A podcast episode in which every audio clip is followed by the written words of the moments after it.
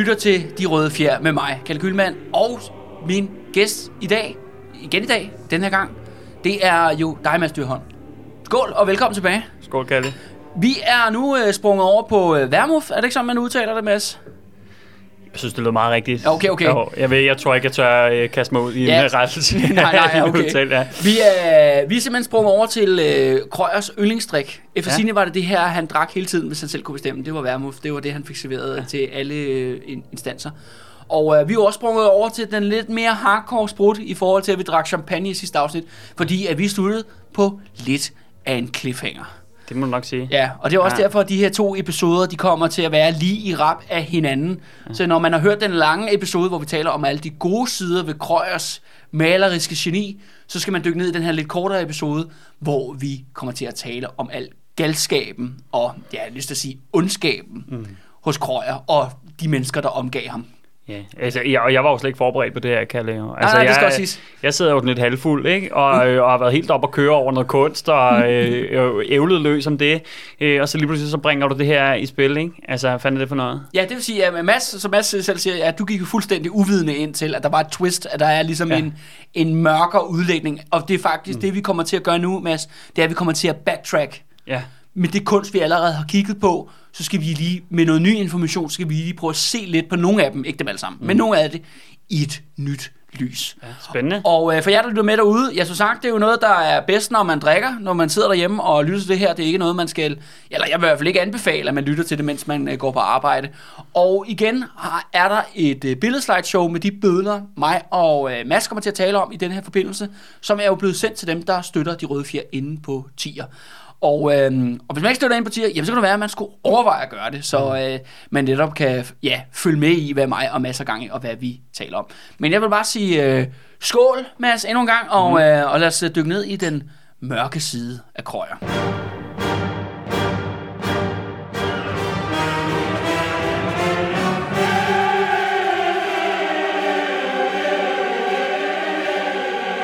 Yes, og øh, jeg vil faktisk gerne begynde her med billede nummer et, Mads.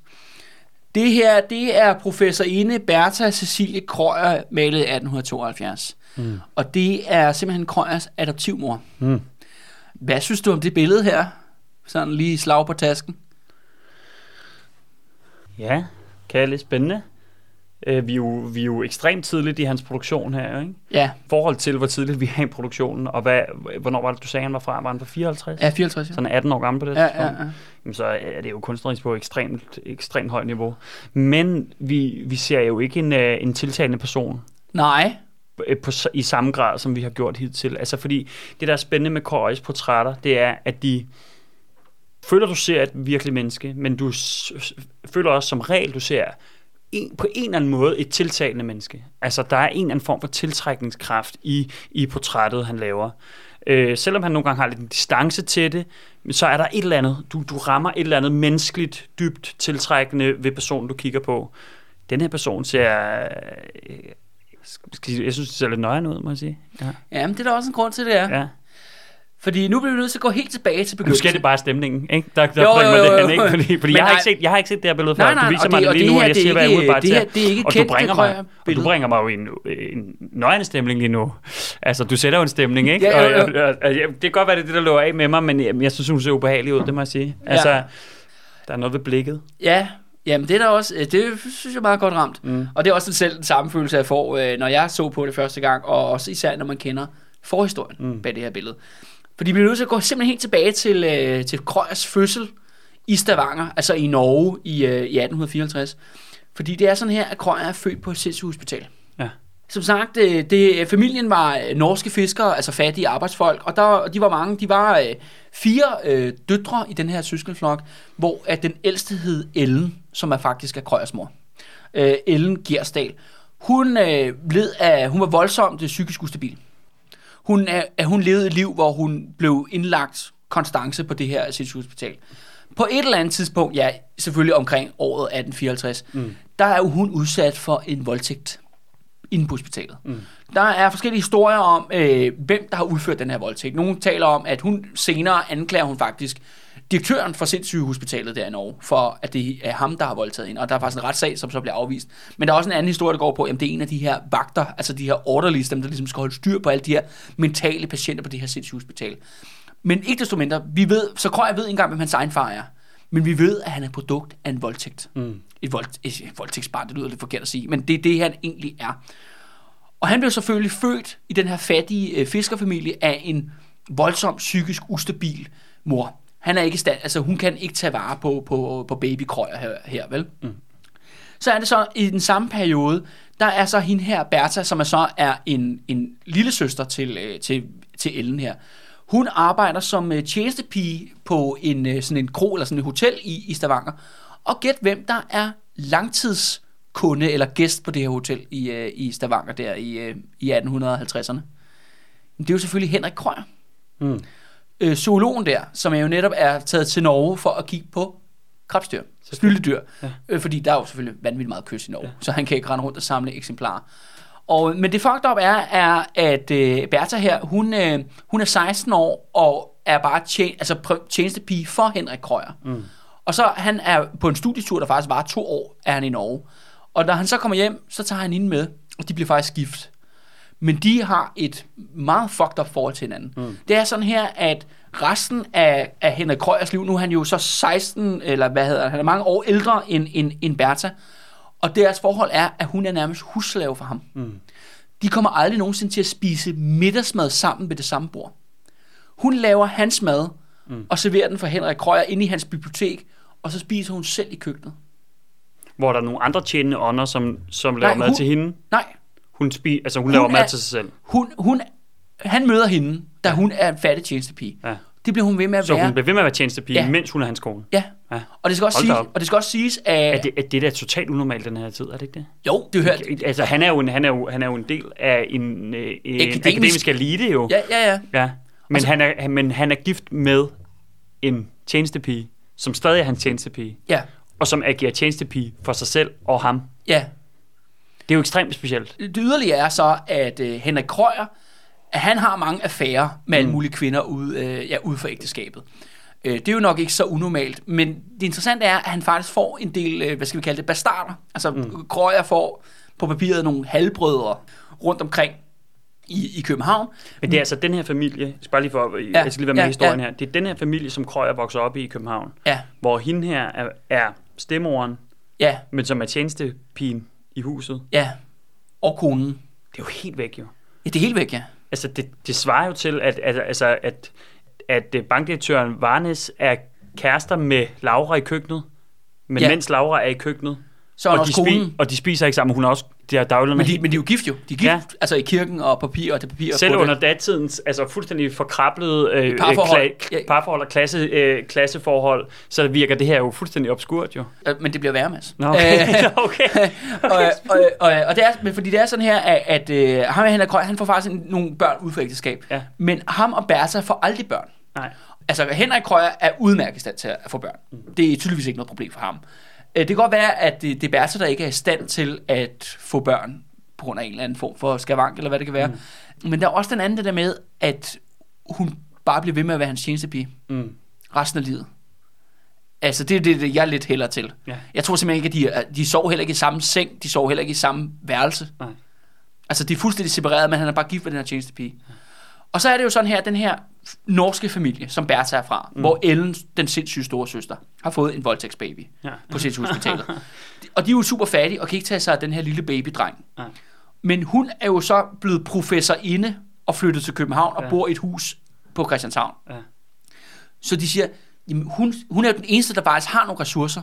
Det er hende, der bliver nødt til at adoptere krøjer. Ja. Af, af, simpelthen for, at babyen skal overleve. Ikke? Ja. Og det er det, man ender med. Øh, Og det er også derfor, Henrik og Bertha ender så officielt med at, altså, at uh, adoptere Peder. Men det der så, som jeg nævnte i første episode, var, at Henrik ingen interesse havde i ham. Nej. Du skal også huske på, jo, det er jo Før han be- begynder at male de der for, Ja, for fulde for- krebs, ja, ja, hvor, Ja. hvor han ligesom, så, kan så får han jo en, funktion, øh, en funktion i forhold til hans videnskab. Ja. Ellers er han pisselig glad med drengen. Ja. Og det er også det der lidt mærkelige af, Fandme heldig, at han var var. ja, ja, ja, ja. Men hør her, der er også en bestemt grund til, hvorfor at Krøyer, han øh, bliver god til at tegne. Ja. Det er fordi, da han opvoksede der på Christianshavn, Og hvis vi springer videre til øh, næste billede, som er et, du har set før, Mads. Mm. Det er jo netop øh, fra barndomshjemmet, hvor han kigger ud mm. over Københavnertagene og ned i Michael Vibeskov her.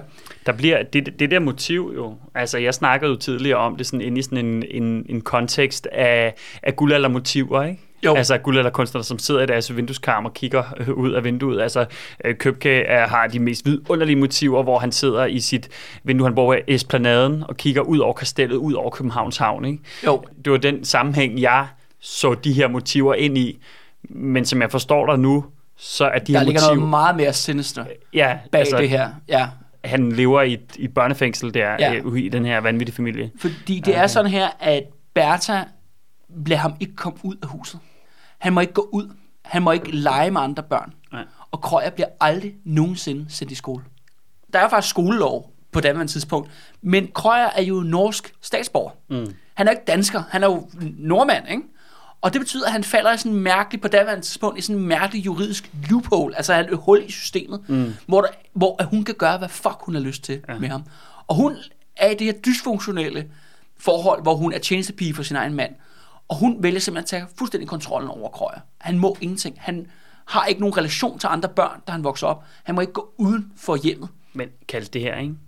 Det er jo Askepot, jo. Jamen det, ja, det er jo det, ikke? Altså, Og- det, her, det, er, det er jo Askepot-myten, jo. Ja, altså, ja, at, ja. at, at stemmoren kommer ind og tager kontrol over barnet, ikke? Elsket af faren, nok ikke så meget, altså, indtil han begyndte at ma- male krabs, øh, øh, så, så kunne faren godt lide ham, ikke? Men elsket af faren, ikke? Havde stemmoren, ikke? Kommer ind, tager kontrol, den der fortabte stefar, ikke? Som jo er ude og lave andre ting, ikke? Ude at være øh, professor, eller bro, Ja, ja, ja. whatever, ikke? Askepots far er jo altid, han er jo altid ude, ikke? Er ude af sted, og, og så er stemmoren tilbage, ikke? Og tager kontrollen, ikke? Ja, jo, jo, jo, Ja. jo.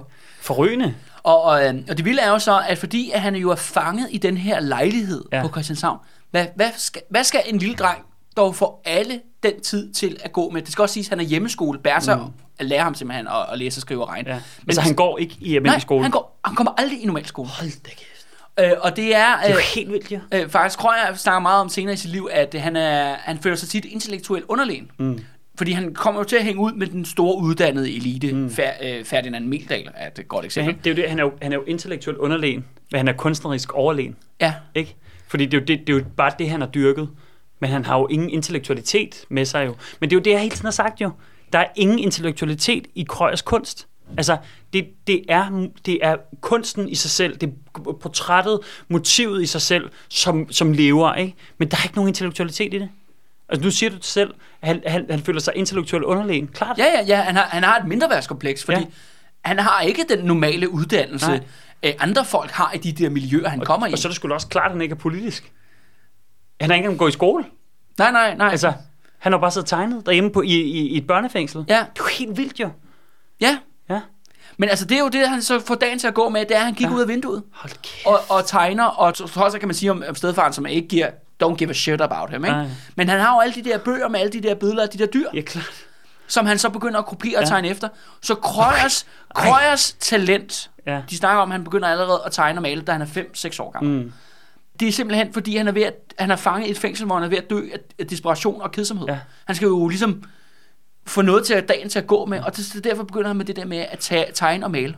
Men, men, men nu også, fordi nu, jeg synes, der kommer en virkelig fed sådan, øh, krølle på hele historien og throwback til starten og sådan noget, ikke? Hvis nu, at, at, Krøyers stefar det er, ikke? hvis Ja. ja. det, han havde beskæftiget sig med, prøv at tænk, hvis han var, øh, lad os sige, han var øh, øh, oldtids, øh, oldtidsforsker, ikke? Jo. Altså, det hans reol var, det var, det var billeder af... Ruiner af, for Rom. Det var Ja. Pantheon, og det var den græske gudeverden, og det var de græske myter osv. Okay, så var det den verden, han var trådt ind i. Men hvad var det for en verden, som Krøyer trådte ind i allerede der som 5-6 år? Fordi han havde ikke nogen andre verden, anden verden. Han, han, han, havde ikke, han kunne ikke engang i skole. Ikke? Nej, nej. Hvad var det så? Men han havde ingen legekammerater. Du Nej, ved, han- alle, de Men normale relationer, folk har haft, har Krøyer ikke haft. Nej, men hvad var det så for nogle bøger, der var der? Ikke? Ja. Det er jo hele hans virkelighed. Det er jo hele hans, hvad kan man på en eller anden måde sige, hans overbygning af hans, øh, af hans sind. Ikke? Altså, det er jo de bøger, der er der. Hvad, Ja. hvad skulle ellers skabe det? Han har jo ikke nogen relationer. Han har ikke nogen kærlig mor eller far. Han har, nej. ikke, han har ikke noget, der kan skabe en eller anden virkelighed for ham, andet end de bøger, der er i det hjem. Og hvad er det for nogle bøger? Okay, faren han er naturvidenskabsmand. Han er zoolog. Okay, det ja. er den virkelige verden. Det er, hvordan verden den ser ud. Hvordan den, hvordan den opfører sig i, i en eller anden videnskabelig kontekst. Ikke? Det er det, han kigger på som barn, og han begynder at tegne. Og jeg synes, ledemotivet gennem hele hans karriere, at det er et kig på verden. Hvordan den ser ud, og hvordan den, den fremstår. Men faktisk uden så mange holdninger, uden så meget, men, og som jeg hele tiden har sagt, anti-intellektuel, uden nogen Fordi, form fordi for du mener, at han har aldrig fået de begreber, Nej, han skulle Han have lever for jo- ligesom at kunne italesætte en politisk kritik, for eksempel. Men han lever i en anti- anti-intellektuel verden. Han lever jo i en ikke-politisk verden. Han, han lever jo slet ikke engang rigtig i verden jo. Nej. Han lever i sin egen lille kunstneriske virkelighed, i sit eget lille børnefængsel, hvor han har de her bøger og det her Og så sign. kan han selvfølgelig kigge ud af vinduet, ikke? Yes, og det gør han, og prøv at se, hvad han kigger ud på, Ja, og hvor ja. smukt han tegner det. Det er jo helt vildt jo. Prøv at tænk, at der kan komme det der geni ud af det der. Ikke? Altså, du laver sådan en lille fuldstændig børnefængsel, og så kan der opstå det der. Altså, det, Men det er jo også der skræmmende, synes jeg, på en eller anden måde. Men også øh, portrættet her, ikke, af professor Inde Bertha Cecilie Krøyer, ikke? Mm. Det er som siger, der er sådan noget sinister, ikke? Det er jo, det er jo hans fangevogter, det der. Jamen, det er det. Altså, han har, han Stemmoren, har det er jo stemmoren for lavet- Askepot, ikke? Jo, jo, jo, jo, jo, Ja. jo. Og, og, det, og så, er det, så bringer jeg så frem til jo netop, at ved en tilfældighed, så ser øh, stedfaren der, Henrik Krøyer jo, Mm. at, øh, Krøyer han sidder og maler krabstyr, og siger, ja. okay, han skal på tegneskole. Ja. Det fører faktisk til, at, altså Krøyer, jeg skal sige, Krøyer er jo kommet ud af huset, han har været til lægen, eller været i kirke om søndagen, og hvad man nu der skal. Ja, ja. Men, han, men han kan gå alle steder med moren, altid. Mm. Bertha er altid med til alt, hvad han laver. Altså, han kan ikke gå uden hende Fangevogteren. fangevogteren. Mm. Men det, der så sker, er jo så netop, at Henrik Krøyer siger, ham der, han har tydeligvis et talent. Vi sender ham på det der forberedelsesskole, hvor han starter 8 år før de andre, mm. ikke? altså så meget, meget ung. Og det er jo på den måde, han får friheden. Ja. Han får jo så et vis antal timer hver dag, hvor han er på skole, hvor mm. Bertha ikke er med. Fordi det er jo ikke for kvinder, Mm. det er jo kun for mænd, Mm. på daværende tidspunkt i hvert fald. Og det er jo det der med, at han, han frigør sig selv, Mm. Også igennem kunsten. Ja. Og det er også det der med, at Krøyer er jo Altså vanvittigt... bogstaveligt talt, Ja, jo. Krøyer, Krøyer er jo Han den... får gave, det som en gave selv fra himlen jo. Jeg siger sådan, at du kan blive fri fra hende her ved bare at pisse god til at tegne. Ja, ja, ja. ja fantastisk. Men det, jo. så det er også det der med, Ja. at han er jo den, den hurtigste og den bedste maler, tegner ja. i Danmarks historie. Der er i hvert fald ikke nogen tvivl i mit sind, Nej. i hvert fald, når det kommer til det. Du forstår mig, men det er også et befrielsesprojekt. Han bliver nødt til at være det. Ja. Altså i hvert fald indtil han når selvfølgelig en vis alder, når han bliver voksen mand, så kan han selvfølgelig sige, fuck af, ikke? Jo. Men det kan han jo ikke, da han er barn, og, og især de unge år, hvor han stadigvæk er økonomisk afhængig af, af stedfamilien, ikke? Altså Men- for at komme på den der skole, Men igen ikke? taler det jo fuldstændig ind i Askepot-myten, ikke? Altså fordi hun, Askepot er lukket inde i et fængsel i sit eget hjem, ikke? Jo. Og hvor hun kigger ud af sit vindue. Og hvad er det, hun kigger på, når hun kigger ud af sit vindue? Du kigger på kongeslottet, ikke? Nemlig. Ja, ja, ja. Og hvad er kongeslottet for Askepot? Men det er jo friheden, ikke? Nemlig, det er billetten, ja. det er billetten ud af fængslet. Ikke? Så kigger hun på det. Hvad skal hun gøre for at, man kan man sige, bruge kongeslottet som billet? Hun skal være det reneste, smukkeste, bedste menneske på en eller anden måde. Ikke? Altså hun, hun skal finde ind til sin helt rene, ærlige, øh, fuldstændig etisk rene kerne, så kan hun tiltrække prinsen og bruge kongeslottet som en billet ud af sit fangeskab. Ikke? Og, og det er jo lidt det samme, Krøyer gør her. Gennem kunsten, ved at finde ind til sin... Du skal bare tegne. Du skal mm. være god nok til at komme herhen. Jamen, så kan du komme ud derhjemmefra, ikke? Jo, jo, jo. Det, det er jo det der slot. Altså, i, i Disney-filmen er det, synes jeg, altså, helt spektakulært, når de første scener, hvor Askepot er, bor op i tårnet, det der gamle palæ der, så kigger hun op på slottet, drømmer om det, og man kan bare se, det er det der, hun skal hen til. Ja. Ikke? Nå, Ja. der kom lige min lille Disney Ja, ja, øh, Disney fetish, øh, Ja, til alle jer kunstkender derude. Ja, ja. Skål på dem. Skål.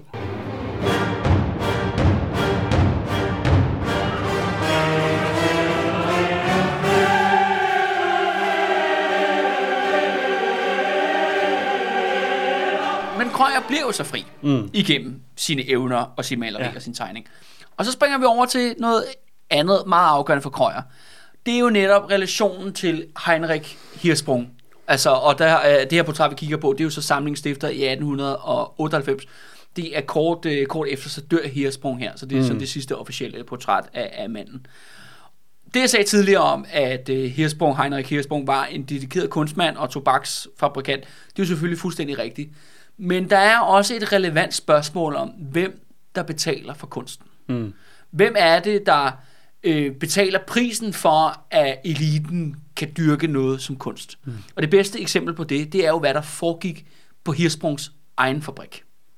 Øh, tobaksindustrien i slutningen af 1800-tallet er jo selvfølgelig noget meget andet, end, end, end det, det er i dag. Der er den clean. Shit, altså, det, det er en af de absolut fedeste industrier, vi har i dag. Ikke? Ja, jo, jo, jo. Men, men det er fordi, at i hvert fald i en dansk kontekst, Ja. i slutningen af 1900-tallet, vi har jo børnearbejder i industrien den her gang. Det bliver først afskaffet i 1913.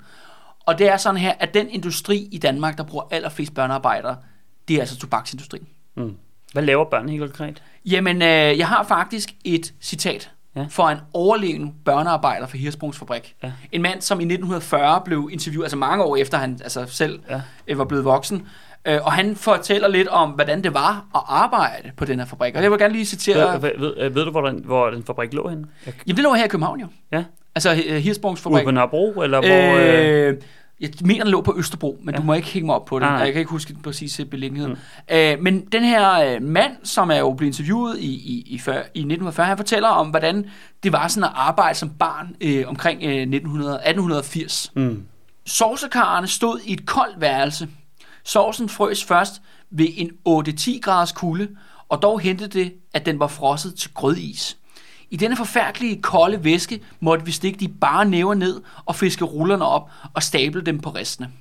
Det bed og skar i fingrene som glødende knive. Smerten pressede tit tårerne frem i øjnene. Skønt vi søgte at skjule det, man skulle jo være en rask dreng. Det var forfærdelige pilsner, og selvom sovsen ikke var frossen, kunne den godt holde indtil 6-7 graders kulde. Ingen tænkte på, at man kunne have en stor hulske eller ketcher til at fiske skroen op med. Nej, ned med de bare næver. Det kostede ikke noget. I det højst et par små drengenæver med forfrysninger. Og vi var kun 10-12 år gamle. Det var frygteligt. Og det er altså den her tobaksindustrien, som øh, Hirschsprungsformuen og samlingen blev bygget på. Men det bliver faktisk værre end det. Mm. det. Nu er der jo forskellige tabuer i vores samfund, og, øh, og noget, man ikke taler så meget om. Men en af dem er pædofili. Mm. Ja, det er ikke fordi, at der er lavet nogle store historiske undersøgelser, men det er bare poppet rigtig mange gange op. Nu har jeg jo lige afsluttet et forløb med arbejderbevægelsen. Mm. Det er, at der er mange i tobaksindustrien, forskellige udtalelser fra arbejde gennem tiden, som udtaler, at når de har været på nogle af de her arbejdspladser, hvor der har været mange børn, og de fremhæver faktisk især tobaksindustrien, og de fremhæver især Hirschsprungs fabrik Mm. i København, at de siger, at børnene blev solgt seksuelt til folk. Og det er ikke fordi, jeg siger, at Hirschsprungsfamilien har kørt det som en forretningsmodel. Mm. Men manager og voksne, der har været på de her arbejdspladser, selv voldtaget de her børn, drenge og piger, og så har de også solgt dem til folk, der simpelthen kommer op ved døren. Så det blev simpelthen kendt, at hvis man var øh, pædofil, så kunne man så tage til de her fabrikker og udnytte de her børn. Og hvordan forbinder det jo så, så med, med, med krøjer? Jeg blev lidt, øh, lidt berørt lige nu. Ja, ja, ja, ja, ja. Og det er jo det der med, at se, hvad er prisen for kunst? ja. Fordi at det er svært at skille Hirsprung og Krøyer, de hører sammen. Hirsprung er manden, der har fundet Krøyer. Det er ham, der har hivet Krøyer op. Det er ham, der har betalt for de her store udlandske rejser. Det er ham, der har sørget for, at Krøyer bliver det her mega hit. Er ikke, altså ikke noget, der indikerer på, at Krøyer vidste, hvordan tilstandene var i Hirsprungs tobaksindustri. Øhm, så du selv siger, Mads, ikke? han er apolitisk menneske, måske er han slet ikke interesseret eller har forståelse for, hvad er det, der foregår. Mm. Men jeg påpeger det bare, at der mm. er en helhed i det her. Mm. Og, jeg, og jeg tror ikke, at, Men- at familien Hirsprung kan være fuldstændig uvidende omkring det her. Det er dem, der, det er i hvert fald i sidste ende deres ansvar. Fordi det er, dem, det er deres arbejdsplads. Men Kalle, det er jo, altså... Det her, ikke? Det er det, du kan jo. Ja, ja, ja, ja. Altså, du tager en historie, ikke? og så lige pludselig vender den på hovedet, ikke? Jo, og så lige pludselig gør du os alle sammen opmærksom på en virkelighed, og en anden side af historien. Ikke, en, der ikke er den der hyggelige fortælling, vi alle sammen godt kan lide at fortælle hinanden. Den, der er rar at fortælle rundt om, øh, rundt om lejrbålet, Ja, ikke? ja, ja. Og, og, og, mens man sidder og drikker champagne, og så kan vi grine af det, og så lige pludselig, så vågner vi op på en eller anden måde, og sådan kigger på Danmarks historien på en. Altså, jeg blev berørt af det, du sagde lige nu, fordi det var... Jeg arbejder med børn til dagligt, Ja, ja, ja. og jeg sad bare, altså jeg sad bare, mens du, mens du talte, så sad jeg bare og så en, en fabrik for mig med 10, 11, 12-årige, som er lige nøjagtigt de børn, jeg arbejder med til ja, det er de dagligt. klassetrin, ikke? Det, det, det, er, det er de børn, jeg arbejder med til daglig, jeg har ekstremt tæt på. Jeg, jeg så de børn for mig arbejde på en fabrik. Bare det. Altså, hvis vi bare stoppede der, ikke? Jo. Øh, så var det tragisk i sig selv. Altså, 11-12-årige arbejde på en fabrik, 10-12 timer i døgnet. Allerede der er vi langt ude over, hvad, hvad, hvad der burde være tilladt, ikke? Men så derudover, så siger du, at, at på de her fabrikker, det kan have været en eller anden, nærmest sådan et mini øh, pædofil bordel, hvor Ja. de her børn bliver solgt. Altså, jeg, kan faktisk næsten ikke engang snakke om det, må jeg sige. Ja, ja, ja. ja. Men for at holde fast i det første, så interessant er det ikke, at jeg bliver, rørt, bliver berørt, men det, der er interessant, det er, at jeg, har jo, jeg, jeg er jo kunstinteresseret. Jeg er interesseret mm. i krøg. Jeg har været, været det i mange år. Jeg har, og du har været på samlingen, ikke? Jeg har været på Hisbrungs samling måske 12 gange eller sådan noget. Ja, ja. Øh, og kender historien om ham. Ja. Jeg kender ikke den her historie. Altså, det er jo det, du kan, og det er jo derfor, det bliver interessant. Derfor er jeg altid gerne vil snakke ud over, at vi er venner, men også derfor, jeg altid gerne vil snakke med dig og høre, hvad der er, du har at sige. Fordi det, det jeg, skal også jeg siges, synes bare, det er ekstremt vigtigt, at vi får de der nuancer i historien. Og det er ikke fordi, at jeg har en eller anden politisk agenda med det, men det er jo fordi, så bliver historien på en eller anden måde mere virkelig, og den bliver meget mere nærværende for os, når vi faktisk kender den. Og det er ikke bare er sådan en hyggelig øh, øh 12. gangs genfortælling, vi kan fortælle rundt om lejrebålet. Nej, fordi det her det er faktisk Danmarks historie. Det er faktisk en virkelig historie, hvor vi faktisk har brug for at vide, hvad det er, der egentlig sker. Ikke? Ja. Så fortæller du sådan nogle ting der, ikke? Ja, jo, jo. det er jo, ja. Men, Og, øh, og det er også, øh, der er jo også en grund til, at de her episoder ikke er sponsoreret af de her samling. Fordi at... Øh, jeg er heller ikke sponsoreret af nogen, Nej, nej, fordi nej, nej, det vi nej. skal huske, det er jo hele Danmarks historie, er fucking sponsoreret, ikke? Jo, jo, jo. Altså, om den så er sponsoreret af Socialdemokrater eller Radikale, eller, eller hvem, hvem det nu er, så er der, alt, har der, er der altid en eller anden agenda i, hvordan vi fortæller Danmarks historien, og også hvordan vi fortæller kunsthistorien. Der kan jeg bare godt lide dit opgør, selvom jeg rigtig tit er uenig med dig i dine mm. dine konklusioner. Det er forrygende, at du tager det her opgør med alle de her konventioner og den her måde, vi har at fortælle Danmarks historie på. Ja. Ja.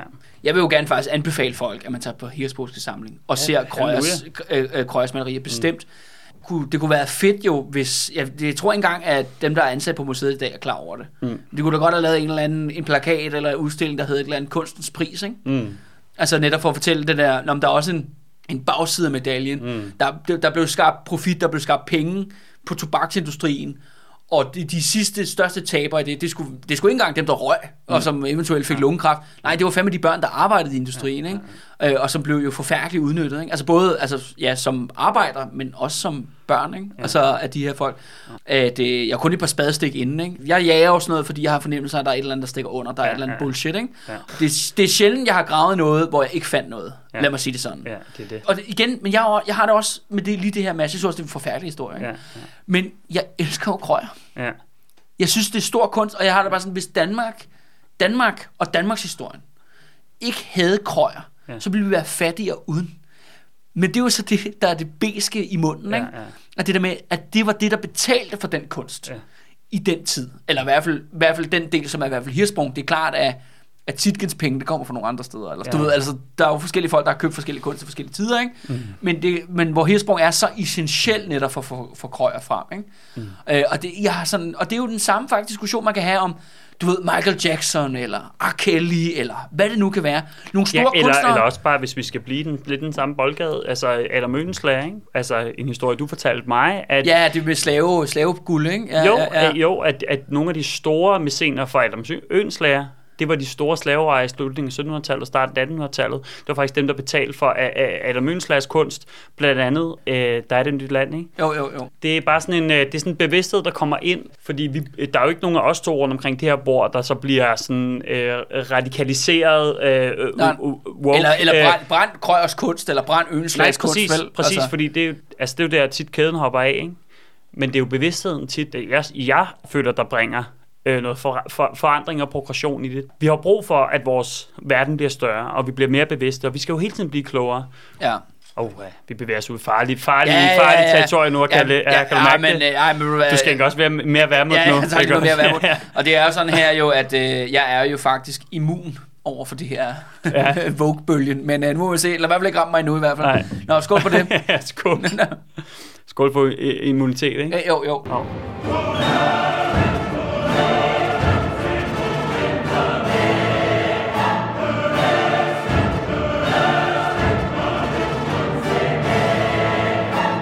Du hvad, Mads, skal vi, skal vi ikke øh, gå Jo, lidt videre jo, jo, i vores, jo. øh, vores triste, triste andet portræt af Krøyer? Jo, fanden. Øh, nu spørger vi frem til noget helt andet. Øh, det er netop øh, det her billede, der hedder Roser og Havepartiet for Skagen med kunstnerens hustru siden i en havestol. 1893. Det var en lidt lang titel på et maleri. Den er også bare kendt som rosa. Ja, øh, du sagde faktisk, øh, mens mikrofonen var slukket, at det her det er faktisk dit all-time yndlingsmaleri af Krøyer. Ja, det er det. Ja, men altså, kan du fortælle lidt, hvor- hvorfor? Hvorfor lige det? Af, af alt, alt den store kunst, han har lavet, ikke? Øh, ja, kan du det, jeg får sådan en, den der følelse af, at, at jeg tænker, alle der, alle der kigger på det der billede, de ved det godt med det samme. Jeg har, jeg, jeg har næsten ikke lyst til at sætte, sætte ord på det, for jeg, altså, det der, synes jeg er... Det er ellers meget en mere- stille billede af Krøyer, ikke? Jamen, det er Der sker, der sker jo ikke så meget. Det er fuldstændig spektakulært. Det er så lyrisk og så udtryksfuldt i hele sin komposition, hele sin udtryksform. Altså, du, du er bare i den der have, men samtidig er det sådan et, altså nærmest sådan ekstremt ek- interessant maleri at kigge på. Der er hele den der komposition med busken, der bevæger sig rundt, og med, med, med Marie Krøyer inde i mørket. Altså, og nu, nu kan vi igen kigge på, kigge på mørket, som den der grundfarve inde bagved, og lyset, der træder ud. Og hun sidder derinde i den der hule øh, i haven. Der. Altså, det er jo, altså, det er bare, det er bare dybt spektakulært, vanvittigt smukt. Jamen, jeg synes også, det er et pissegodt billede. Altså, det er bare kæmpe kunst. Øh, men der er jo så, øh, Mads, hvis du ligesom kan huske episode 1, der vi snakkede om, at de tager til Skagen. Mm. Og jeg beskrev det, det her med, at det var sådan en, de nærmest, de nærmest boede i en ørken Mm. i den der by der. Men har du nogensinde stillet dig det spørgsmål, hvordan fanden kan det så være, hvis, hvis Skagen er en ørkenby, hvordan kan det så være, at alle de der billeder, de foregår i en stor, frodig have? Ja, det er godt. Fordi at, øh, det er da svært at plante skov og, øh, og have i et sted, hvor der er mega meget sandflugt. Som jeg nævnte tidligere, min, min svigerfamilie bor i Klitmøller.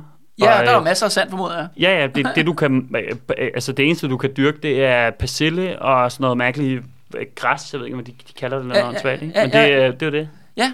Ja, det er jo også en, lidt en tragisk historie, ikke lige så voldsom som den, vi lige har talt om, men, øh, øh, men der er også på mange måder en meget skør historie.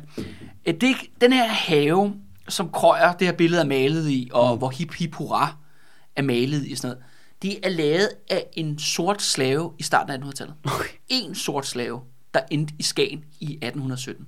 Okay. Det er en meget øh, obskur og mærkelig historie. Øh, det var sådan her, at i starten af 1800-tallet, der hed Skagens borgmester, han hed øh, Ole Christian Lund. Mm. Øh, og han øh, er i det her meget fattige ud, altså du ved, det her fiskesamfund, der ligger yderst på pynten. Det er nærmest der, hvor verden ender jo. Mm. Det er deroppe i det der øh, fattige Skagen. Men det er sådan her, at borgmesteren, en af hans opgaver, det var, at hvis folk jo gik, skibe gik ned ude ved pynten, Skagens pynt jo, så skulle de jo ud og redde dem i robåde og sådan nogle ting. Mm. Det var ligesom en del af jobbet. Og, øh, og så sker der så det, at under Englandskrigen i 1808, der redder han en, øh, amerikansk, et amerikansk skib, der er du gået ned ud foran øh, for Skagen og redder besætningen og kaptajnen. Og der siger den amerikanske kaptajn, jeg skal nok komme tilbage en eller anden dag og, har, og tak dig, give dig en eller anden reward for det, mm. du har gjort for mig. Han har glemt alt om det, du ved. Livet gik videre, Danmark tabte Norge, der skete alt muligt Ja. shit. Men lige pludselig i 1817, så er der et skib, der holder ude for, der ligger til, du ved, ude for Skagen. Der er jo ikke nogen havn jo, men det er ude ved, ude ved vandet der. Og så bliver der rodet en robåd ind, og så kommer Altså tre år efter Danmark har tabt Norge, og Ja, det, ja. hele, det af hele lortet, ikke? det hele går rigtig sløvt til i Danmark. Ja, ikke? ja, ja, lige præcis. Ja. Så kommer der robåd ind, og den her robåd sætter bare en sort mand af, Ja. og så sejler den ud igen. Og så ham der, den sorte mand, han hedder, øh, han hedder Jan øh, øh, Leton, og han siger, jamen, øh, jeg, jeg skal finde Ole Christian Lund. Og så, hvad, hvad fanden er du sådan? Jamen, jeg er din slave resten af livet. Okay. Og det er fordi ham er kaptajn, den amerikanske kaptajn, for ligesom at takke øh, Ole der, for at han har reddet hans liv, der køber han simpelthen en slave til ham i USA. Mm. Og så sørger han for, at den her slave bliver fragtet til Skagen. Og så har, får øh, borgmesteren af Skagen, får simpelthen udleveret den her sorte mand, som, mm. og han er bare sådan, øh, hvad fanden skal jeg bruge dig til? Ja.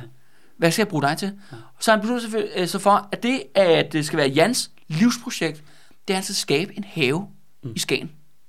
Og det tager vanvittigt meget arbejde. Den her sorte mand, ikke? han kommer Han til skal at... lave nyt, altså han skal lave på en eller anden måde en ny grund, altså en, nyt, en, nyt, en ny jord, øh, jordkomposition Ja, på en ja. eller anden måde. Og, de, Ja. ja. og han bruger resten af sit liv på det her, og det slår fejl rigtig mange gange. Alle planterne dør, og så starter han bare forfra. Okay.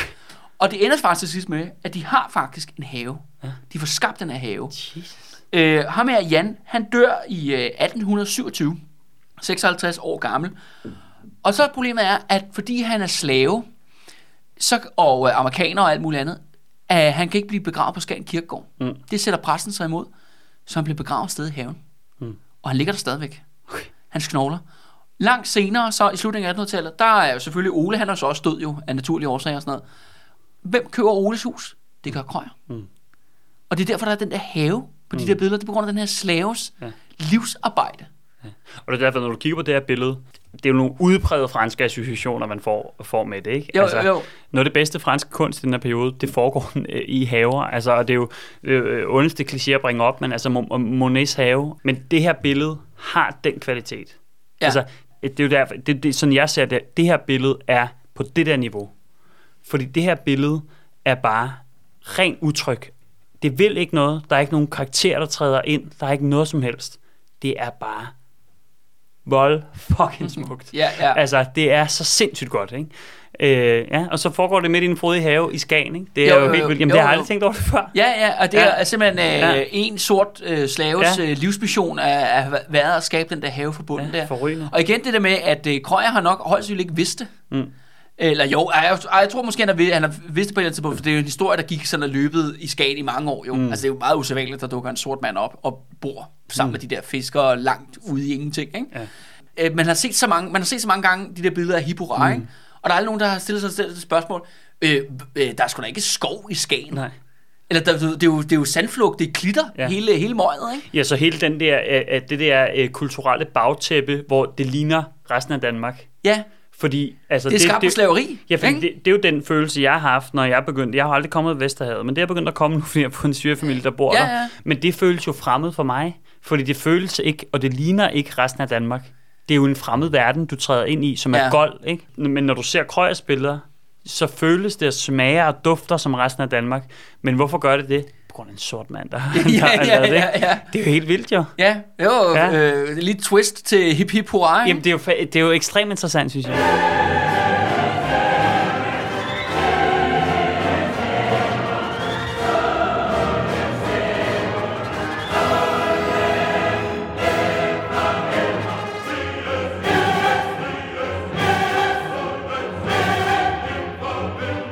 Så går vi videre til øh, et andet ting. Haste videre. Haste videre, haste Ja, videre. ja. Det næste billede, det er industriens mænd, ja. der er malet i... Det er faktisk... Prøv lige at mærke til, at det er taget over et år nærmest at male det her, fra 1903 til 1904. Mm. Og, øh, og grunden til, at det har taget så lang tid, det er fordi, at øh, Krøyer, han begynder simpelthen at miste synet.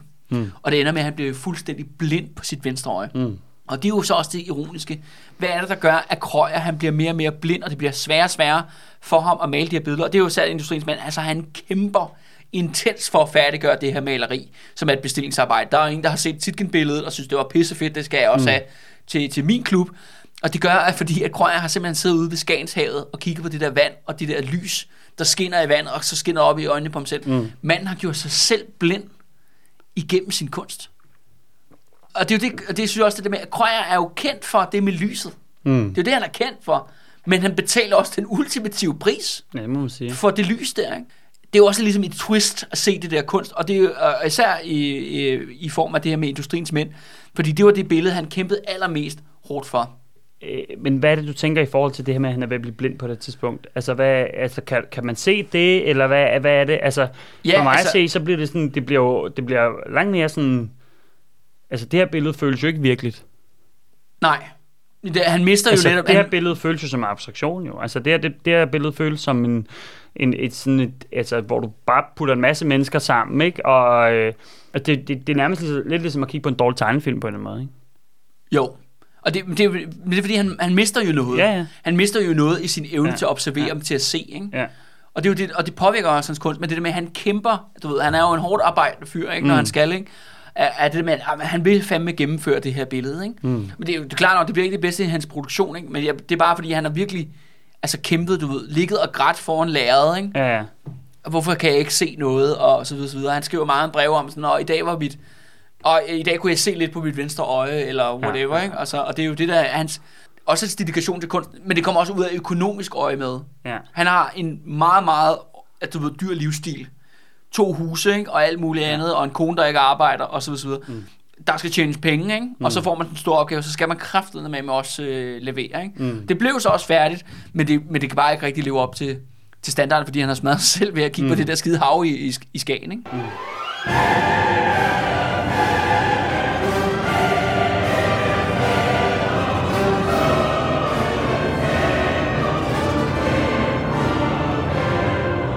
Og en anden stor udfordring for ham er jo også det der med, at han var indlagt på sindshospitalet ja. rigtig, rigtig mange gange. Fra 1899 og frem til sin død i 1909. Ja. Og, øh, og det kan man også... Hvorhenne? Øh, jamen, det var forskellige, hvad hedder det, sanatorier øh, i Jylland og på Sjælland og andre steder. Ikke? Ja. Der var jo sådan en sindssyg hospitalsindustri, som var privat. Ja, Ja, ja. ja. Altså, man kunne, men det også fordi, når Krøyer var... Det, var jo kæmpe slotte, de byggede den der Ja, periode. ja, ikke? ja, Altså, ja. og Krøyer havde jo penge, så han havde også råd til at købe en god behandling ja. Ja. og sådan noget. Hvor kommer den her sindssyge fra? Altså, det er jo mm. oplagt vil sige, jamen, det er noget, han arvede fra sin rigtige mor. Sin mm. rigtige norske mor, Ellen, Han er født på et sindssygehospital. Det er jo nærmest til at sige sig selv, at det skulle jo gå galt i sidste ende. Men der, findes, men der findes også en anden teori. De siger, at, øh, at øh, blandt andet de her læger, som har behandlet ham på sindssygehospitalet, det skal også siges, det er ikke for sjov at være på sindssygehospitalet mm. i starten af 1900-tallet i Danmark. Man får altså tæsk, ja. og man bliver spændt fast, ja. og alt muligt andet. Og de her læger altså er hersker over liv eller død. Men de konstaterer, at han har øh, syfilis, mm. som er jo en meget udbredt øh, kønssygdom i 1800-tallet. Øh, og det er jo så slemt nok i sig selv at have syfilis. Men behandlingen er nærmest værre end, end sygdommen. Fordi det, man blev behandlet med primært i 1800-tallet, det er kviksøl. Og øh, det, man kan jo nok konstatere, er, at Krøyer får kviksølsforgiftning. Og en af ulemperne ved at få, udover det er selvfølgelig giftigt, og du dør af det i sidste ende, når du får for meget højt øh, kviksøl i dit blod, det er, at du bliver psykotisk af det. Du bliver sindssyg af det. Du begynder at høre stemmer, du begynder at tro om ting, der ikke er der, og du opfører dig fuldstændig irrationelt, og du bliver voldelig og aggressiv. Og, og det går Det er ultimativt dårligt trip, jo. ultimativt dårligt trip. Og hvem går det øh, primært ud over? Jamen, det går det primært ud over hans, hans hustru. Ja. Øh, Marie Krøyer, og selvfølgelig deres datter, Vibeke Krøyer. Og øh, der er øh, meget sigende historie om, hvornår det begynder galt. Du snakker om det er i 1899, det var det sidste gode år, og så begynder det at gå ned ad bakke. Nytårsaften år 1900, det er jo selvfølgelig en stor, en stor dag i Ja. øh, kalenderen den her gang, fordi og det, er jo ikke hver, det er jo ikke hver gang, man skifter nytårhundrede, ikke? Nej. Og der fejrer Marie Krøyer og, øh, og ja, selvfølgelig Peter Krøyer og hele familien og alle deres venner. De har kæmpe nytårsfest i den der villa ude på Østerbro, der hvor den russiske ambassade ligger i dag. Og hvad gør Krøyer, øh, da det, du ved, klokken står 12 og alt muligt fyggeriet, det brager og sådan noget, så går han ud på øh, trappen ude foran sin villa, og så står han med sit jagtgevær og begynder bare at skyde på alt, hvad der rører sig. Han, han prøver ikke at ramme nogen, han skyder, men han skyder lige forbi. Han skyder lige over hovedet, ikke? og skyder op i luften, og til sig fuldstændig ja. åndssvagt, og bare banker en, du ved, en kasse patroner af. Ja. Altså med live ammunition midt inde i København. Okay. Står han altså skyder løs, ikke? Okay. fordi han er fuldstændig komplet vanvittig. Ja. Og det bliver jo selvfølgelig også øh, værre. Altså, der er jo også historier om, at han jo netop har truet sin datter og sin kone, Marie Krøyer, med det der jagtgevær. Det skal mm. siges, at når Krøyer havde fri, så gik han også på jagt. Mm. Altså, det var en af hans fritidsbeskæftigelser, ja. ikke? Der, er- han har helt, helt åbenlyst nogle, nogle psykiske problemer jo, men, men, men ser du, at det er hans indlæggelser på de her øh, psykiatriske anstalter og hans behandling, der gør ham ekstremt sindssyg, og du siger, at han får helt den der behandling, og sådan, som er sådan helt, altså, det- Problemet er, det er jo lidt et mysterium. Ja, det, ja. det er svært at sige. Altså, jeg tror, det er jo ikke urealistisk at sige, jamen, der var jo sindssyghed. Altså, du ved, de havde en person, der var blevet indlagt med, du ved, ekstrem psykose, jo moren mm. der, ikke? Altså, det, Mm. det løb jo i familien. Han har haft den der vanvittige opvækst, ikke? ja, ja. Altså, der er mange ting, du kunne pege på, hvor det ligesom kommer fra. Men det der med, at han havde, øh, han havde altså syfilis. Altså, ja. han har været på bordel i Paris eller et eller andet Ja, ja, sted i sine unge dage, da han tog på Europaturné. Ja. Og så problemet er altså bare behandling af kviksølsforgiftning. ja. Og det bliver du også vanvittig af. Ja. Men ikke desto mindre, da han bliver så begyndt at blive indlagt på sindssygehospitalet fra 1899 og frem, ikke? ja. der er skaden jo sket jo. ja. Det er for sent, ikke? Ja, altså, og årene, altså fra 1899 frem til 1909, det går kun én vej. Og Men det er er, din, bakke, er din oplevelse af Krøyer inden 1899 Altså, det, der er ikke noget værre end at sidde og bringe sådan nogle lomme øh, Ja, psy- ja, ja. psykiatriske øh, Ja, ikke diagnoser. jo, vel? Nej, nej, det er det, og vi vi er jo ikke psykiater, vi, det kan vi jo slet ikke. Men, men har du en fornemmelse af, at han er en psykiatrisk patient inden da? Fordi øh, for mig ser der jo ikke noget, der dukker op i historien, Nej. som indikerer det. Der er noget, der, der, er noget, der dukker- op i historien, at han er en, en, en, en ekstrem person og en, en, en meget kunstnerisk udlevende person. Ikke? Der, der sker et eller andet meget voldsomt skrevet der i 1899. Ikke? Jo. Det er sjovt, fordi det har virkelig malet vores senere billeder af Krøyer som sådan lidt sådan sindssyg. Ikke? Altså øh, den der sidste periode. Ja. Hvor kommer det af? Kommer det af, at han aldrig rigtig har haft nogen barndom, aldrig har haft nogen kærlige forældre, eller, eller kommer det faktisk helt konkret af, fordi jeg, den her historie, du fortæller mig nu, med at han får syfilis, syfilis og får en vanvittig øh, behandling, Ja, en fejlslået, en fejlslået behandling, ja, ikke? som er psykoaktiv og påvirker, altså som smadrer, smadrer de. Altså, det, Ja, det synes jeg, jeg- er rimelig, det er rimelig Ja, voldsomt. ja, det er en rimelig jeg- voldsom, øh, voldsom nyhed, synes jeg. Eller det er sådan, Jeg, jeg hælder jo til, at det er kviksølven. ja. Øh, og det er mere, fordi han bliver så voldelig og udreagerende, tror folk med våben og Ja, sådan der, altså, nu, fordi Han bliver jeg har ikke, ikke? Altså. Fordi det er jo, altså, jeg har ikke læst noget om Krøyers liv. Jeg har kigget på Krøyers billeder i, i, i store dele af mit liv, og gør det stadig. Jeg synes, det er spændende. Men jeg ved jo ikke noget om ham på den måde. Nej. Øh, men det gør du jo. Altså, har du set nogle indikationer af, at han har været sådan før det? Nej. Nej. Jamen, nej, det vil jeg ikke sige. Nå, tværtimod, han er jo den her enormt sociale person, ikke? Jamen, det er det. Han elsker fest og farver, han elsker at være centrum, han elsker at fortælle en god historie, ja. Han elsker at høre, spille en god sang, ikke? høre noget Ja, opera ja. på fuldt mad, ikke? Og, og så videre, så videre. Og det her med, at han lige pludselig bliver sådan, altså psykovoldelig og ubehagelig, mm. og beregnet, han bliver også vanvittigt paranoid og sådan noget, ikke? Mm. Hvis du spørger mig, det er det der kviksøl der. Ja. Altså, Ja, ja, og, det, og han, han, han har måske Men- haft en personlighed, som har... jeg tror, at det, helt sikkert, Fordi- at han har undertrykt nogle mørkere sider af sig selv, men det der kviksøl der, det, Ja, ja, ja. ja. det hjælper bare ikke. Altså, du, ja. manden er jo blevet massivt med, altså, forgiftet af et metal, han ikke kan tåle, ikke? Og det er jo noget at gøre med den begrænsede lægevidenskab, der er i den her periode, ikke? Altså. Men nu går vi lidt ned i en, en boldgade, men, men når du bliver behandlet med kviksøl, hvordan indtager du det her metal? Det, det, det kan jeg ikke lade være med over, ved du det? Øh, jamen, det er både Får du det intravenøst, eller, Jamen, eller det- oralt, du- eller du- hvad? Du, ja, du, ja, du tager det, altså både oralt, men det bliver også smurt ud, for eksempel hvis du har steder, du kan se, du har et, fordi syfilis skal jo skabe sår jo, Ja, ja. blandet i ansigtet, Ja, øh, men også andre steder på kroppen, så bliver du smurt ind i kviksøl, okay. øh, der hvor det er, Okay. og så kan du også få mindre doser, som du skal optage i blodet og sådan noget, ikke? Øh, Og jeg ved godt, det Og her, det, det, det er helt ude det, for det, det, øh, det, grinerne er, at det virker, det virker faktisk på syfilis. På symptomerne, ja, altså på ja, det, vil symptombehandling, fjerne, ja. ja. du vil fjerne sårene, det vil ligesom trænge Men så sig prøver ind igen, man også at give det ind, altså intra, på en, altså Ja. på en eller anden måde, så man skal have det ind i systemet. Ja, Og når du først indtager metaller, det er jo rigtig nastigt, ikke? Ja, ja, men, Ja, jo. men det tror du fanden, at manden blev vanvittigt? Eller Ja, ja, du ved, han klart. begynder at opføre sig mærkeligt ja. og psykotisk, ikke? Altså, det, det, er mit, men du ved, det er noget, folk stadig vil diskutere. Mm. Altså, det kan også godt være, at der kommer nogle nye resultater en eller anden dag, som viser, at det var noget helt andet. Mm. Vi kan konstatere, at manden har bare voldsomt mange indlæggelser på sindssyge hospitaler. Det går primært ud over hans egen familie. Mm. Og det er også de der to billeder, jeg har vist dig her, af Marie Krøyer fra 1901 og 1903.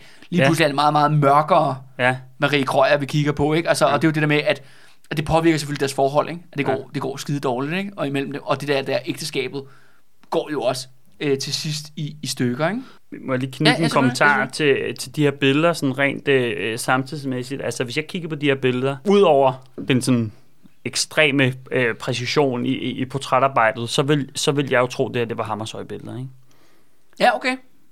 He, hele viben, hele fornemmelsen, hele sådan, uh, sensibiliteten, det er bare Hammershøi. Den der ultimative grå tristesse, det der kig på borgerlivet med en, på en eller anden måde, dyb, dyb psykologisk afstand og foragt over for det, du kigger på. Men alligevel, du kigger på det, alligevel med en renhed og en præcision, så du kan male det.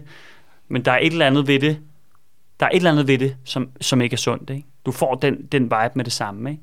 Det, her er jo, det her er jo mørkt, altså rigtig Ja, mørkt. ja, ikke? ja, Og, det, ja. og det er altså, når, Og- du begynder, når du begynder at kigge på Hammershøi, det, er- det er rigtig mørkt.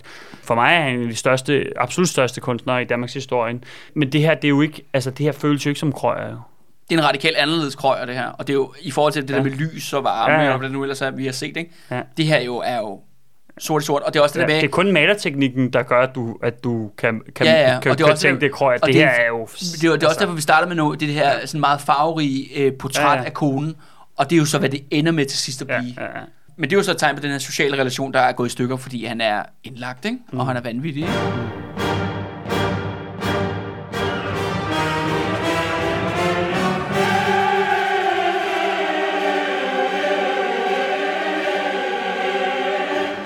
Og det fører selvfølgelig frem til øh, det meget kendte billede, Sankt Hans øh, på Skagen Strand i 1906. Må jeg sige noget, inden, Ja, du, ja, inden du begynder Ja, at ja. holde historien? Det her, det her billede er et af de største billeder i Danmarks historie. Det er det. Det er meget, meget kendt. Men det, Ja. men, men det er det bare. Det her er et af de absolut største billeder i dansk kunst- kunsthistorie. Det er et stort slået værk på alle parametre, og det er helt vildt, at han får præsteret det her i slutningen af hans karriere. Altså, han er blind, ja, han er sindssyg, yes. og så man kan konkludere på det her billede, så er hans kone gået frem. Ja. Fordi hun står jo sammen med elskeren, Ja, ja. ham her, øh, hvad hedder han, svenskeren der, nu skal jeg lige se, se hvad fanden han er dernede. Løfven. Hugo, Hugo Alfven, ja, Ja. Alfven, Alfven. Halfven, Alf, ja. ja, øh, som er en komponist.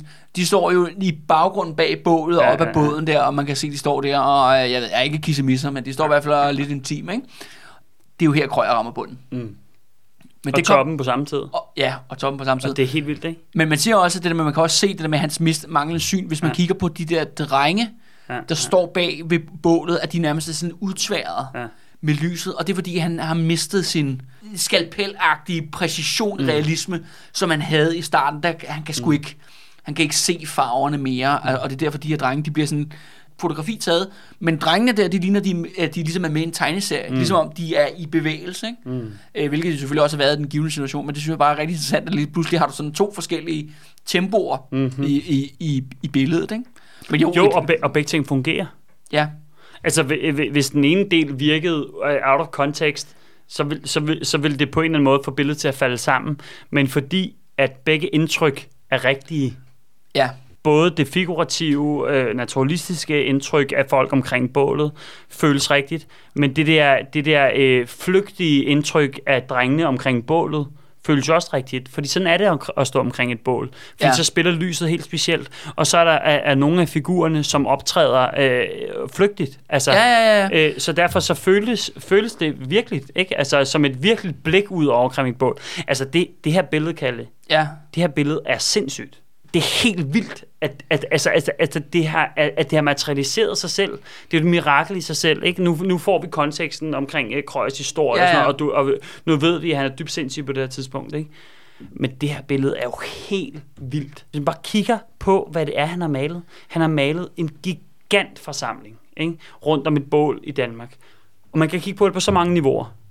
Hvis man kigger på det på det helt umiddelbare niveau, så som dansker, når du kigger på det der, så får man det bare sådan, det har jeg været. Ja. Det der, det er Danmark. Has, sang det has. Ja, ja, ja. Supertur. Ja, ja, supertur. Ja, men det, er, det er bare... Dårlig kunst ved siden af god kunst. Jamen, det er bare, at du, det er bare, at du ved, hvordan den følelse er. Altså det der billede bringer dig en umiddelbar, direkte kontakt med noget, du har oplevet før, eller måske noget, du godt kunne tænke dig at opleve, eller en eller anden idealiseret oplevelse af, hvad det er at leve i Danmark i, i en Sankt Hans tid, i, i en sommertid. Ikke? Altså det, det giver dig den følelse med det samme.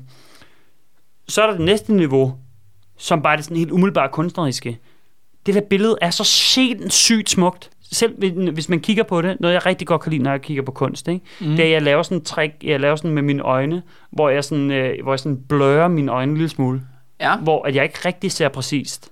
Ja. Hvor jeg ser det sådan en lille smule sådan udsvævende.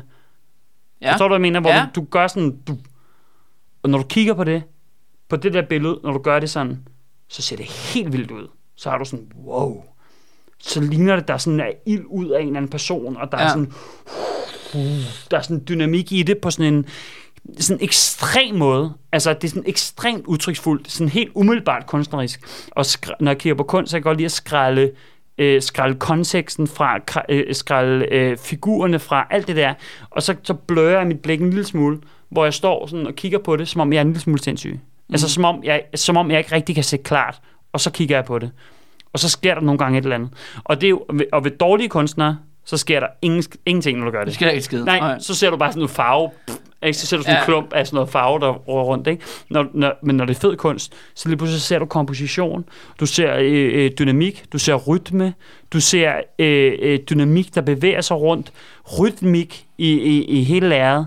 Altså, det, det er vanvittigt spektakulært. Altså, det, det, det er et billede, man kan kigge på nu, og du kan vende tilbage til det hvert år, og kigge på det, og du får, vil få noget nyt ud af det hver gang. Så er der det tredje lag. Ja. Det er hele konteksten, fordi det her, det er et af de billeder, Krøyer har, hvor at konteksten gør, at det bliver grotesk interessant også. Når du kigger rundt på personerne, og hvordan de træder frem, og hvordan de opererer i billedet, ikke? Altså, så kigger du herover, og, og det er jo kun fordi, jeg ved, ved det, der, så kigger du over på Holger Drachmann herover, der ja. står, ikke? Den Som, høje mand med ja, stokken og yes, hatten over, i sort. Over, over til venstre, jeg sidder og peger, og ja, det kan ja. I jo selvfølgelig ikke se. Men, nej, nej. Øh, han står herover til venstre, og der er en, en, en kvinde, der holder ham i armen. Han står som sådan en fuldstændig statlig person, ikke? Og du kigger rundt, og så står der et barn herover til venstre, altså helt over til venstre, som ser helt frisk og... Det er Vibeke Krøyer. Det er nemlig Vibeke ja, ja, ja. Og prøv lige at se Vibeke Krøyer, hvordan hun ser ud.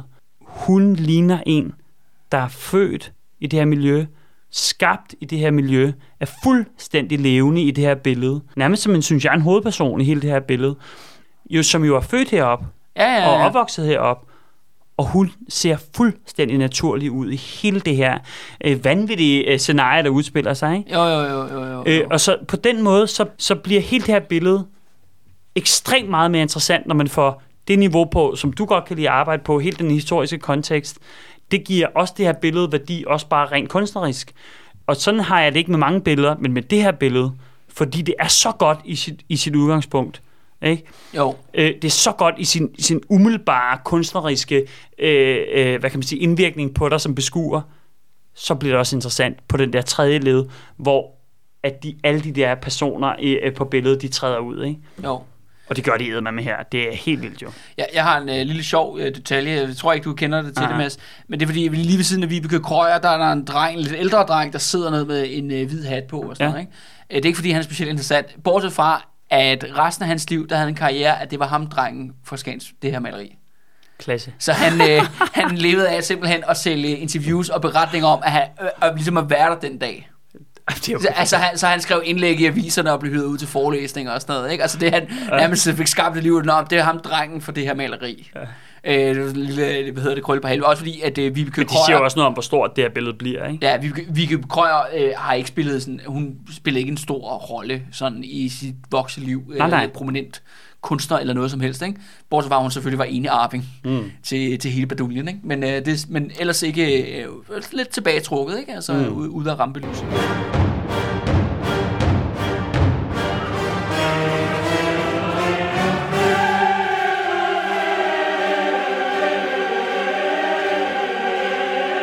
Og øh, ved du hvad, Mads, det fører os til faktisk til det sidste, jeg har. Ej, jeg, jeg, Ja. jeg er simpelthen, altså, må bare sige, jeg, jeg Ja. er simpelthen ikke lyst til at forlade det her billede. Jamen, det er også øh, skide godt, men det er også det Ja. med, den altså, her... jeg, jeg har lyst til at blive her. Ja, ja, Jeg, altså, den her sommernat, Men det er også det der med prisen for stor kunst, Ja. ikke? Alt det her, vi lige har snakket om, ja, overgrebene, brutale barndom, øh, du ved, Ja. prisen for kunsten, og sindssygheden og blindheden og alt det der, mm. det er alligevel i sidste ende, det fører til det her.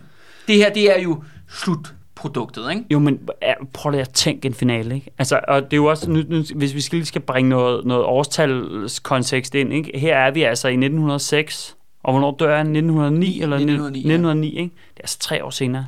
Ja. Og det her, det er det sidste, Det er det sidste, sidste store, store, han laver, Ja, ja.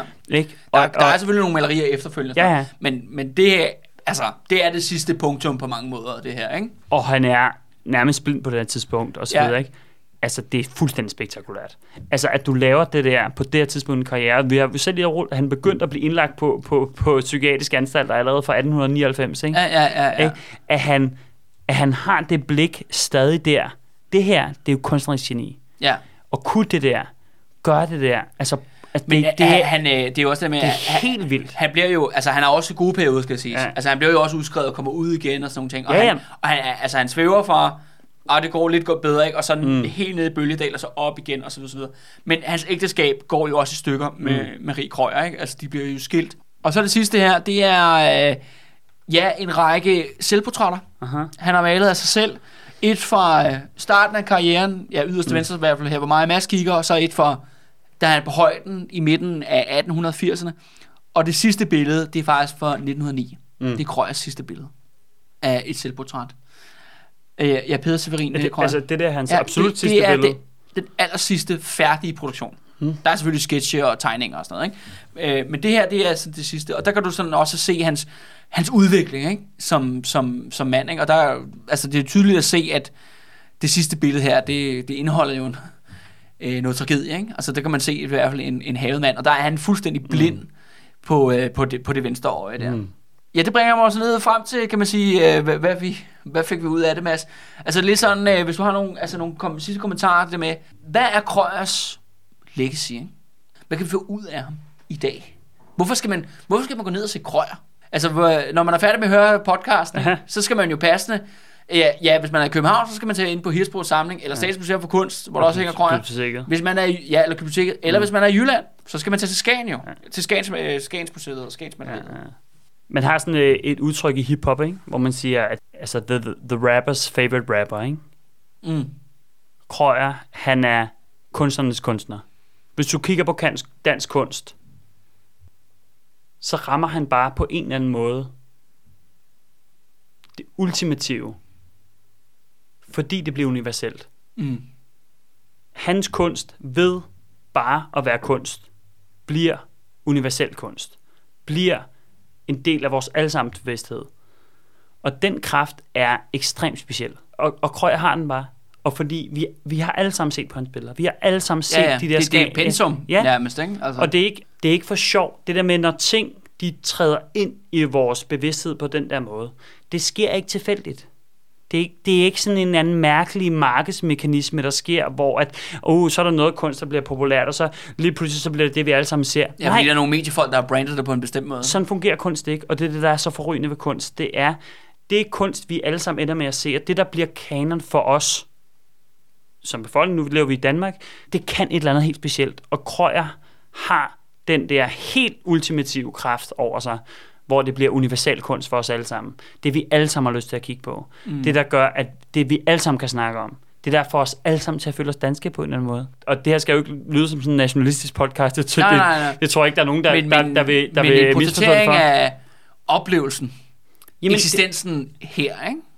Jo, altså øh, følelsen af at, være, at leve i Danmark. Ja, ligesom kunsten vil se anderledes ud i Ja, Kina eller, eller Australien. Og han rammer den, den der fuldstændig, det rene destillat af at være i Danmark og leve i Danmark. Og det gør han bare i, i hele sit væld øh, af, af portrætter og, øh, øh, og kunstneriske motiver.